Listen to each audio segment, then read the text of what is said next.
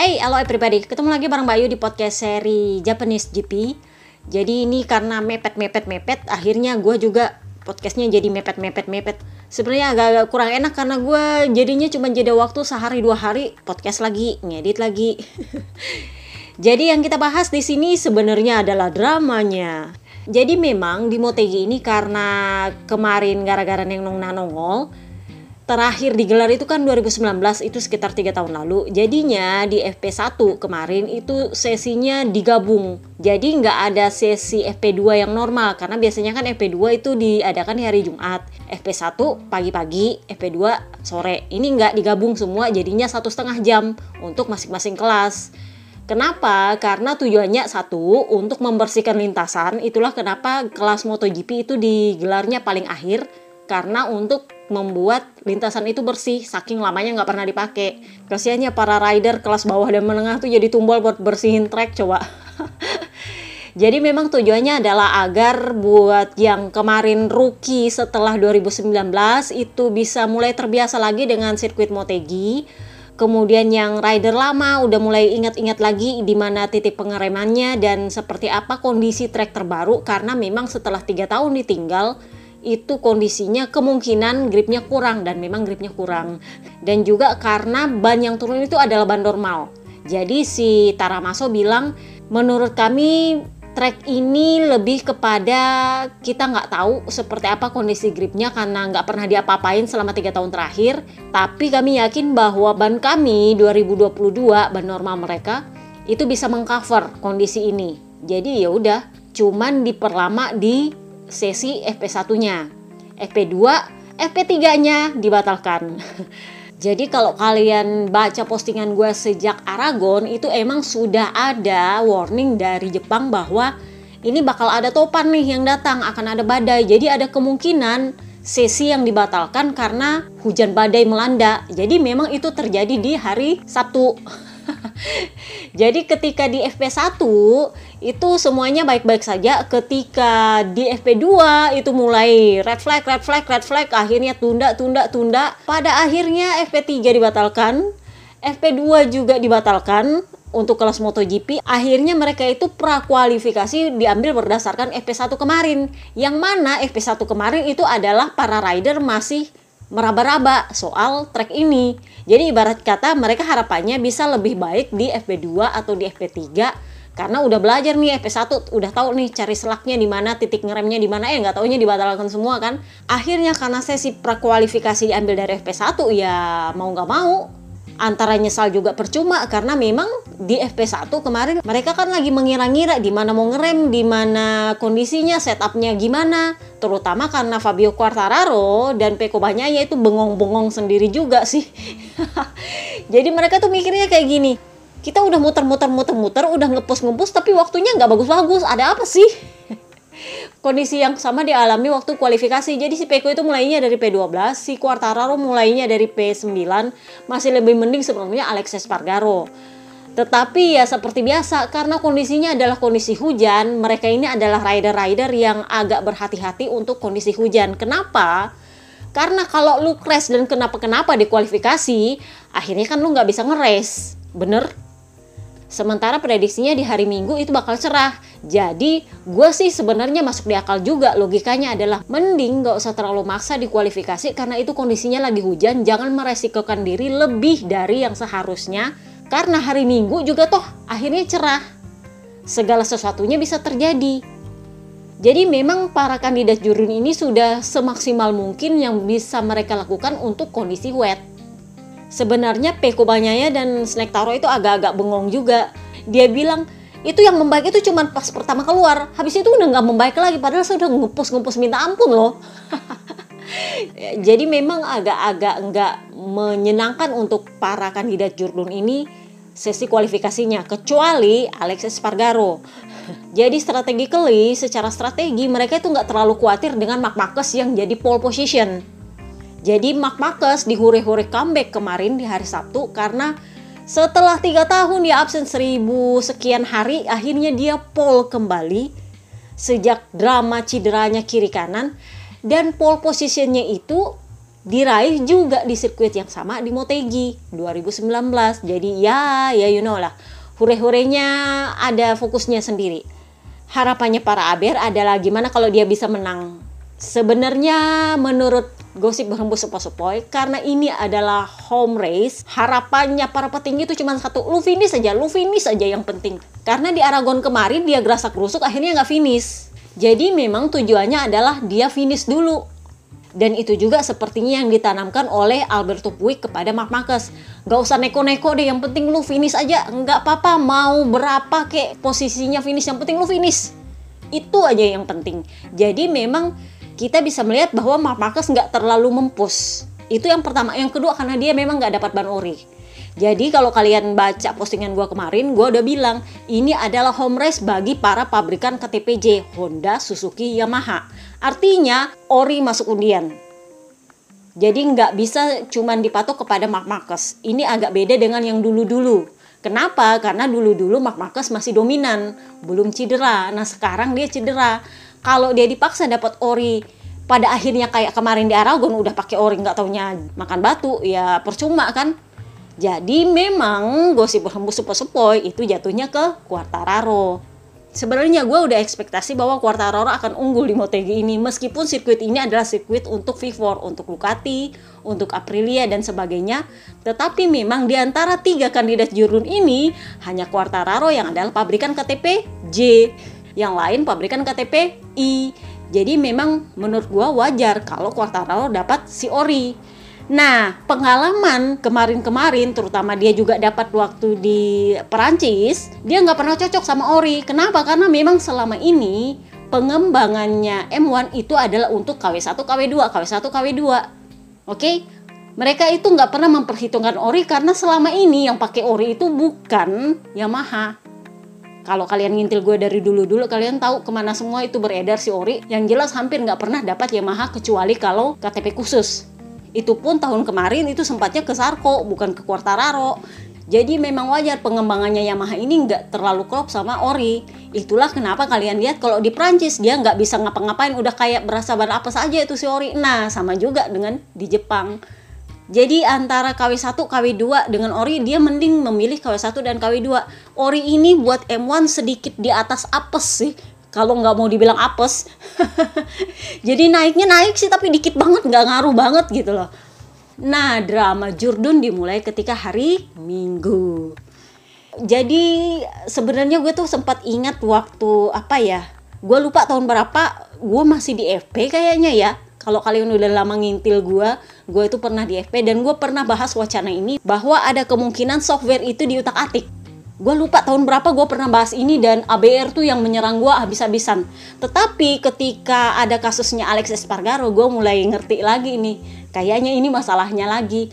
Jadi akhirnya kru elektronik Alex Espargaro itu mendapat tuduhan.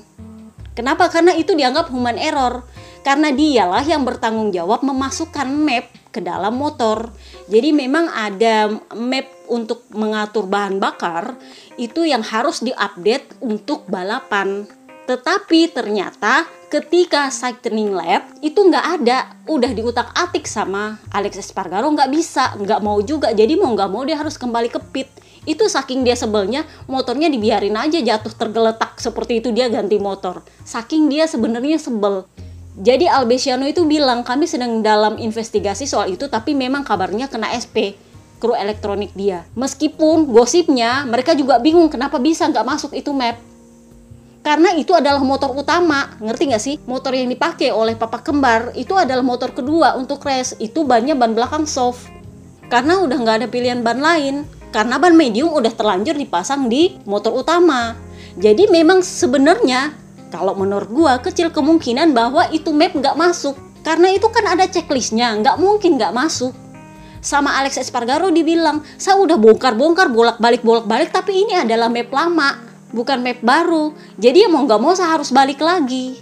Jadi gosipnya Aprilia itu sedang menginvestigasi dan pada dasarnya adalah mereka bilang Aprilia tetap solid tetap kompak meminta maaf kepada Alex Espargaro dan tetap mendukung Alex Espargaro dan menyamakan visi bahwa ini perlu perhatian bersama kesiapan untuk turun track Jadi sebenarnya memang di Aprilia gosipnya itu agak bengong juga kenapa bisa itu map nggak masuk di situ. Jadi itu sempat mengingatkan gue pada kejadian beberapa tahun lalu. Gue lupa siapa yang jatuh ya BB Vale apa ya gue bilang sempat gue bilang ya itu softwarenya diutak atik sempet ya gue bilang waktu itu Aber bilang ah nggak masuk akal gini gitu gini. Trust me it's possible. Karena menurut gue itu agak-agak aneh aja kalau sampai kru elektronik nggak sempat melakukan checklist atas map mempersiapkan map untuk motor yang akan turun race. Itu hampir nggak mungkin karena itu adalah motor utama yang dipakai oleh papa kembar selama akhir pekan. Kecuali dia pakai motor kedua selama akhir pekan masalahnya kan selama ini dia pakai motor utama selama akhir pekan. Jadi memang itu agak-agak aneh juga sih kalau menurut gue tapi menurut gosip sepoi-sepoi kru elektroniknya agak bingung juga karena dia bikin checklist juga untuk kerjaan dia dan itu sudah dia lakukan. Jadi memang agak miss. Dan mereka juga sendiri ya udahlah kita fokus aja ke Thailand. Udah percuma juga mau dibahas ini ada apa. Oke? Okay? nah sekarang kita bahas soal Peko banyaknya jadi kemarin tuh sempat ada yang bilang kok Mayu tahu itu kenapa bakal crash jadi kalian masih ingat tahun berapa ya? 2018 ya gue lupa. Itu si Mark Marcus pakai helm Manekineko dan waktu itu adalah dia kunci jurun. Dan waktu itu kalau nggak salah kandidat jurun lain siapa ya? Dovi kalau nggak salah itu yang crash. Jadi begitu gue lihat dia posting soal Manekineko pikiran gue ini kayaknya akan ada satu lagi yang bakal crash entah yang mana tapi kandidat jurun juga. Karena memang si Mark Marcus kan nggak ikut kandidat jurun jadi memang akan ada satu yang akan jatuh tapi gue nggak tahu itu siapa gue nggak tahu itu siapa. Nah ternyata yang crash adalah Peko Banyaya. Jadi kemarin tuh sempat ada perdebatan soal salah nggak sih Enia Bastian ini mengganggu Peko Banyaya? Jadi sebenarnya gini teman-teman Peko sendiri udah bilang sebelum Jepang. Dia bilang kayak gini race tersisa ini sisa 5 jadi mari kita samakan persepsi. Race ini tersisa sisa 5. Saya sendiri nggak mau ada tim order saya ingin melakukan apa yang saya ingin lakukan di track. Saya juga tidak menginginkan rider Ducati lain sengaja membiarkan saya lewat. Jadi ngerti posisinya kan? Kalau lu di depan gua, lu minggir gua lewat, jangan semudah itu juga. Tetapi itu bukan hak saya untuk mengatur rider lain. Karena itu adalah hak Ducati. Kenapa? Karena yang punya proyek Jurdun bukan cuma Peko yang paling punya mimpi besar untuk Jurdun itu adalah Ducati lebih daripada seorang Peko Bagnyaya. Jadi Peko itu tekanannya lebih dari Ducati. Kenapa? Karena dia pengen bawain Jurdun untuk Ducati. Dari tahun lalu itu dia pengen. Tapi kalau gagal dia sih nggak masalah. Tetapi kan Ducati pengen. Itulah kenapa Ducati bongkar pasang bongkar pasang ridernya. Karena mereka pengennya Jurdun, Jurdun karena selama ini jadinya kandidat-kandidat kandidat udah bosan juga kali ya. Jadi mereka pengennya jurdun. Jadi memang yang punya tekanan besar untuk Peko ini adalah Ducati bukan rider lain. Nah sementara Enia Bastianini posisinya adalah rider teammate tahun depan. Yang pertama. Yang kedua dia tidak masuk tiga besar kandidat Jurdun. Selisihnya 40 sekian terlalu jauh untuk mengejar kalau memang dia mau jurdun. Bukan berarti dia diminta untuk membantu Peko, enggak. Jadi, sudah gua bilang berkali-kali, tim order itu dilarang sebenarnya. Itulah kenapa Ciabati itu bilang gak ada tim order. Tetapi dia mau ridernya saling mengatur diri sendiri Gigi Dalinya sendiri sudah bilang, saya sih nggak mau mereka untuk saling membantu, tetapi tolong jangan merusak race rider lain. Karena ini adalah pelajaran dari eh, Dovi vs Yanone terutama, itu kenapa sampai Yanone didepak kemarin Gigi Dalinya itu sampai murka. Don Carlos sendiri yang bilang, Carlos Pernat, manajernya Yanone saat itu. Jadi memang waktu di Austin kalau nggak salah itu si Yanone kan battle sama Dovizioso Terus dia menyeret jatuh Dovizioso. Akhirnya mereka crash dua-dua. Padahal waktu itu Dovi sebenarnya belum persaingan Jurdun, belum. Tapi Perigigi itu saking emosinya, saking emosinya karena tahun sebelumnya memang Dovi udah ngeluh soal Ianone nggak ngerti soal tim order. Jadi saking emosinya si Gigi, dia langsung bilang sama Pernat, kita nggak jadi perpanjangan, langsung batal. Padahal Opa Pernat bilang itu sisa tanda tangan, nggak jadi. Jadi seperti itulah kondisinya Gigi Dalinya. Nah, masalahnya adalah apakah masih boleh Enia mengganggu Peko? sebenarnya nggak masalah dia mengganggu Peko. Ada yang bilang Peko ini tertekan sama Enia, sebenarnya enggak. Karena Peko menganggap Enia Bastianini ini seperti Mark Marquez. Jadi masih ingat tahun lalu waktu si Mark Marquez masih bisa membalap dan dia terus menguntit Peko ya. Taktik yang digunakan oleh Enia Bastianini itu persis sama dengan Mark Marquez. Jadi dia bilang saya menganggap Enia Bastianini itu seperti Mark Marquez. Jadi seperti itulah perlakuan saya kepada dia saya tahu caranya menghandle dia karena itu yang saya pakai untuk menghandle Mark Marcus. Jadi pada dasarnya dia sendiri nggak keberatan dengan Enya Bastianini. Yang keberatan adalah Ducati, terutama Tardosi sebagai calon manajernya Enya Bastianini tahun depan. Kenapa? Karena impian Jurdun itu adalah miliknya Tardosi dan Gigi Dalinya dan Ciabati. Buat Enia itu hampir, sorry tuh saya gue bilang mustajab untuk merebut Jurdun kecuali tiga di atas itu embang semua, crash semua, DNS semua, baru dia bisa. Jadi memang menurutnya Ducati, kalau lu emang nggak bisa bantu, ya jangan ngerecokin. Yang bikin Tardosi emosi itu kemarin adalah Enea Bastianini memutuskan untuk menyalip Peko ya di belakangnya Quartararo. Itu yang bikin Tardosi emosi. Kenapa? Karena rencananya adalah bagaimanapun Peko ya harus finish di depannya Quartararo. Itu adalah rencananya. Karena dia ini kan selisihnya kemarin cuma 10 poin dari Aragon. Jadi dengan 5 race tersisa, tujuannya adalah finish sejauh mungkin di depan Quartararo, terutama karena Motegi ini adalah sirkuitnya Ducati.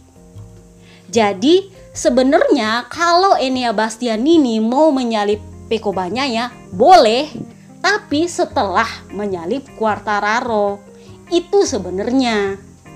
Jadi istilahnya kayak gini loh lu berdua kan di belakang nih lu biarkan saja dulu si Peko nyalip Quartararo baru lu nyalip Peko Banyaya. Karena pada intinya adalah si Peko finish di depan Quartararo itu intinya. Tetapi Enea lebih memilih menyalip Peko Banyaya di belakangnya Quartararo.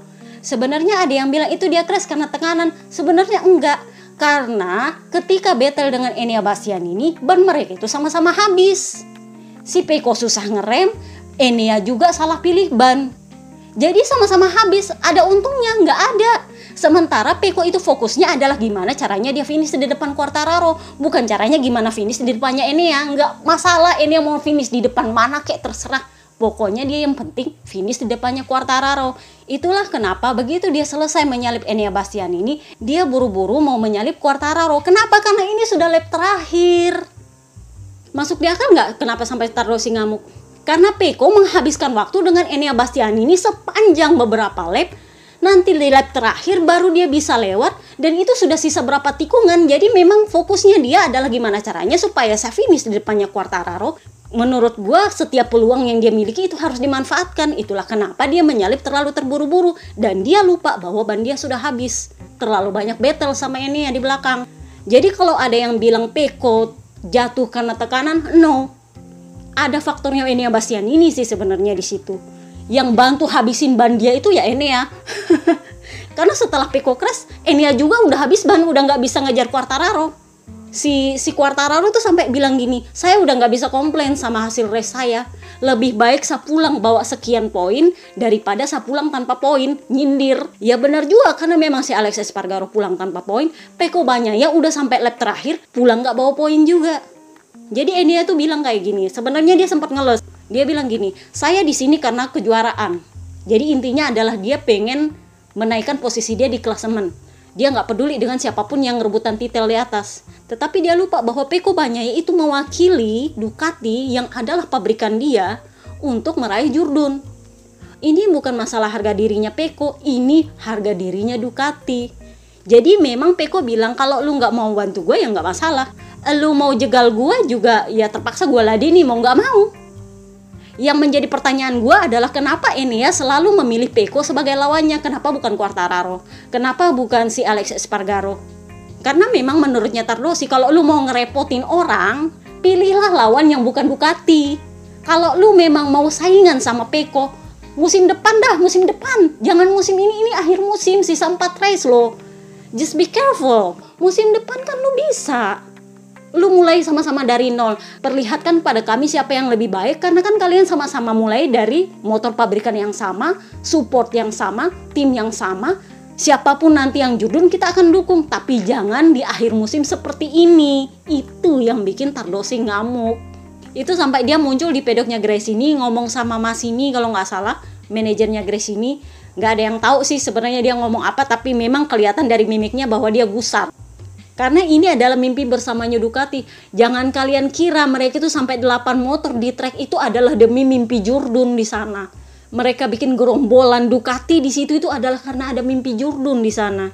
Tapi kalau mimpi itu ternyata dihancurkan oleh satu orang ini Bastian ini, um, makanya gue bilang di postingan, ini kalau kondisinya terakumulasi sampai musim depan dia bergabung dengan Peko ya di tim pabrikan dan dia masih seperti itu, gue yakin Gigi Dalinya nggak mau pakai dia lagi. Kenapa? Karena terbukti bahwa dia nggak punya loyalitas yang baik untuk Ducati. Gue udah bilang berkali-kali ya, loyalitas di Ducati itu penting. Lebih penting daripada performa. Si Petrus udah ke KTM masih bisa balik ke Ducati untuk Moto Amerika Alvaro Bautista udah pernah punya masa yang buruk di Ducati tapi dia balik lagi ke Ducati sekarang it's okay Jack Miller itu kalau dia nggak dapat seat di KTM itu dia bakal ke Superbike Australia untuk Ducati. Jadi Ducati itu sangat menyayangi rider-rider yang loyal sama mereka meskipun performa lu nggak bagus-bagus amat. Tapi mereka butuh orang yang loyal. Nah sementara Enea Bastianini masih ingat awal musim? Dia bilang apa? Saya pengen ke Honda itu kalau bukan Carlo Pernat yang bilang saya nggak mau kasih dia ke Honda karena saya tahu tim Spanyol itu nggak terlalu bagus perlakuannya ke rider KTP Italia, saya nggak akan izinkan Enia bergabung ke sana. Nggak apa-apa lah di Ducati, terserah timnya yang mana, yang penting gajinya naik, supportnya sama, saya nggak masalah. Meskipun sebenarnya kalau menurut gua, keinginan Enia Bastianini untuk lebih baik dari Peko itu muncul juga dari Carlo Pernat sendiri. Jadi memang Enea Bastianini ini pernah menolak bergabung dengan VR46. Jadi memang waktu itu Bebe Vale ngajak gabung yuk, karena kan mereka sering latihan sama-sama di range. Tetapi Enea menolak dan lebih memilih tetap dimanajeri oleh Opa Pernat. Nah, memang di sana dia dicekoki bahwa untuk menjadi rider hebat Italia, lu nggak perlu embel-embel VR46, lu bisa sendiri. Dan memang kenyataannya seperti itu. Jadi memang dignitinya Opa Pernat ini adalah seorang rider KTPI tanpa embel-embel VR46 itu bisa lebih baik dan kalau dia lebih baik secara finansial pun itu akan mengikut. Jadi memang ini agak beda dengan VR46 karena ada namanya VR46 sponsor ngikut. Sementara Enea Bastianini karena prestasinya bagus maka sponsor datang karena prestasinya, bukan karena VR46-nya. Itu yang ingin dibuktikan oleh Opa Pernat. Nah ini yang terdoktrin oleh Enia Bastian ini, itulah kenapa dia ngincernya ke Peko lagi, Peko lagi. Jadi ngerti kan ini kenapa sampai agak-agak jelimet ini barang dua ekor? Padahal sebenarnya kalau Enea mau sedikit lebih peka, dia bisa memilih lawannya entah Quartararo, entah Alex Espargaro, yang mana pun itu yang penting jangan Peko Banyaya karena Peko ya juga membawa peluang Yurdun untuk Ducati. Nah dia sendiri juga di Ducati. Tapi ya seperti itulah faktanya. Kita lihat nanti di Thailand akan seperti apa. Apakah komplain Tardose ini akan berbuah sesuatu untuk Enya Bastian ini? Karena Enya Bastian ini bilang, e, setahu saya memang ada rencana, tapi nggak ada tim order tuh sama saya juga nggak disampaikan. Ya bisa juga lo lempeng gitu sih alasan. tapi sebenarnya tanpa seperti itu pun kalau lo loyal sama Ducati, lo pasti tahu diri kalau lu loyal, masih ingat kata Jack Miller, tanpa tim order pun saya akan membantu Peko ya. Masih ingat? Itulah kenapa sebenarnya Ducati pengen tetap mempertahankan Jack Miller tetapi karena kondisinya adalah Jorge Martin dan Enea Bastianini prestasinya lebih bagus daripada Jack Miller di awal musim ya mau nggak mau dia harus tersingkir karena dua anak muda ini lebih layak untuk rebutan posisi rider pabrikan Sementara Jack Miller itu maunya di Pramak. Nah, masalahnya Pramak kan udah full. Siapa pun yang nanti naik ke tim pabrikan, otomatis yang lain akan tetap di Pramak. Jadi memang Pramak line up-nya akan full. Jadi nggak ada tempat buat Jack Miller. Jadi mau nggak mau dia harus ke KTM. Tapi sebenarnya memang entah itu Gigi, entah itu Ciabati, entah itu Tardosi itu pengennya Jack Miller tetap sama mereka sih sebenarnya tapi emang nggak ada pilihan lain. Jadi kita lihatlah nanti di empat race tersisa ini akan seperti apa jadinya. Peluang untuk Jordan memang agak-agak sulit. Si Jack Miller sendiri bilang ya kalau kamu cukup nekat untuk menang dalam empat race terakhir, titel Jurun akan diraih oleh Ducati asal Peko menang empat race terakhir. Intinya adalah dia harus menang di empat race terakhir. Sisanya ya kita nggak tahu apakah nanti Quartararo akan kena apesnya atau gimana gimana gimana. Ya pokoknya harus seperti itu. Jadi si Miller bilang intinya adalah yang penting lu menang dulu di empat race terakhir sisanya nanti kita pikir jadi dia bilang saya sih cukup yakin kalau seperti itu kita bisa bawa pulang titel Jordan ke bolonya Ya, sementara si Mark Marcus itu kemarin dia bilang ah yang penting gua finish. Dia disambut dengan sukacita oleh para petinggi Honda di pedok, juga Nakagami karena berhasil finish. Pokoknya intinya adalah yang penting mereka finish aja dulu karena itu yang menyenangkan para petinggi Honda di Jepang. Nah, jadi kemarin dari tiga rider KTP tuan rumah, hanya satu yang finish itu pun kondisinya menurut gue ya amat mengenaskan. Pangeran Rakor Nakagami akhirnya bisa finish meskipun posisinya adalah posisi paling belakang itu dia akan absen di Buriram nanti digantikan oleh Nagashima karena ternyata selain dua jarinya yang dioperasi di Aragon kemarin itu lepas jahitan lagi kalau nggak salah terkiri lagi katanya jari kelingkingnya jadi dia harus operasi lagi dan itu membuat si Nagashima menggantikan dia di Buriram nanti yang paling ngenes itu adalah Suzuki udah Mir nggak ada sudah juga meleduk motornya si Alex Rins juga Papa Lucas boncos jadi dia itu sebenarnya mencoba menyalip Franco Morbidelli. Itu si Morbido sampai kesel karena dia bilang, "Saya rasa ada masalah dengan motornya, tapi dia selalu melebar dan melebar. Nyalip saya melebar lagi, nyalip saya melebar lagi. Jadinya nyebelin. Saya sibuk sama dia terus." Ujung-ujungnya toh motornya juga rusak. Jadi dia sebenarnya mencoba menyalip dari pinggir. Nah, masalahnya sama dengan Enia Bastianini waktu di Austria kemarin waktu battle dengan Jorge Martin. Dia sempat naik ke atas cup dan peleknya itu bengkok akhirnya boncos tapi memang nggak kerasa yang ekstrim seperti miliknya Enya Bastian ini enggak jadi waktu itu dia bilang kok saya agak susah mengendalikan ban depan saya? Akhirnya saya balik ke pit. Karena sedikit-sedikit tiap nikung hampir jatuh tiap nikung hampir jatuh. Jadi saya balik ke pit kayaknya ada yang salah. Setelah dicek ternyata bannya boncos. Jadi ya seperti itulah ya. Akhirnya home race Suzuki yang adalah home race terakhir ternyata hasilnya nol besar. Finish juga kagak masalah iya. Kemudian Petruk is back. Setelah kemarin di Misano sempat dinegosiasikan dengan Ducati apakah dikasih nih ridernya yang lagi membalap di Moto Amerika untuk membalap di Suzuki. Ternyata sama Ducati bilang nggak boleh. Kenapa? Karena nanti mepet Eropa sama Amerika itu agak jauh perjalanannya dan takutnya dia nggak keburu membalap di seri berikutnya. Nah kemarin karena ada jeda di Moto Amerika, dia masih bisa nih membalap di Buriram nanti karena hari Minggu kemarin dia juga udah balapan. Jadi dia sudah OTW ke Thailand. Yeay. Akhirnya kita lihat lagi rider baik satu itu. Nah sementara nih pangeran KTM nih sumringah para KTM dapatnya KW1 semua dan semuanya dieksekusi dengan baik. Kalau di Austria mereka dapat KW1 ternyata itu nggak berhasil dieksekusi, nah sekarang itu bisa dieksekusi dengan baik. Jadi si Brad Binder tuh yang sumringah, Oliveira juga, Papa Alis itu sumringah. Pokoknya puas lah gua nggak komplain-komplain lagi. Pokoknya yang penting kita udah belajar, oh gini caranya cari setup yang benar untuk sirkuit yang tipikalnya adalah sirkuit Ducati. Karena Buriram nanti itu tipikalnya Ducati juga sih kalau menurut gua. Jadi mereka pikirnya itu setupnya sudah bagus kalau menurut gue sih itu gara-gara banyak tapi kita lihat aja lah nanti ya ingat di Buriram nanti itu si Ori akan kembali ke posisi semula ya karena yang punya udah performanya bagus di track dan itu bukan sirkuit KTP khusus. Kemungkinan kita akan lihat performa seperti Aragon lagi. Dia akan kembali ke mode gerasak kerusuk tapi kita lihat aja lah nanti ya mudah-mudahan gue salah karena menurut gue setelah kemarin tujuannya dia hanya finish dan dia ternyata bisa finish di posisi 4 sekarang dia modenya adalah gimana caranya supaya dia finish podium jadi memang kemungkinan dia akan sedikit gerasak berusuk di Thailand tapi kita lihat aja nanti semoga gue salah Nah, berita terbarunya adalah yang baru-baru aja diumumkan adalah bahwa Kazakhstan itu akan menggelar MotoGP tahun depan. Itu untuk menggantikan Finlandia. Jadi si Kimiring kan tahun ini udah mengajukan pilot aka bangkrut dan juga mustahil untuk mengadakan MotoGP di sana karena terlalu dekat dengan Rusia. Dengan kondisi yang kita nggak tahu kapan perangnya selesai gitu kan. Jadi memang uh, Dorna itu kabarnya sudah tanda tangan dengan Kazakhstan itu untuk lima tahun ke depan. Dan kalau nggak salah nama sirkuitnya Sokol ya. Gue lupa mudah-mudahan gue nggak salah.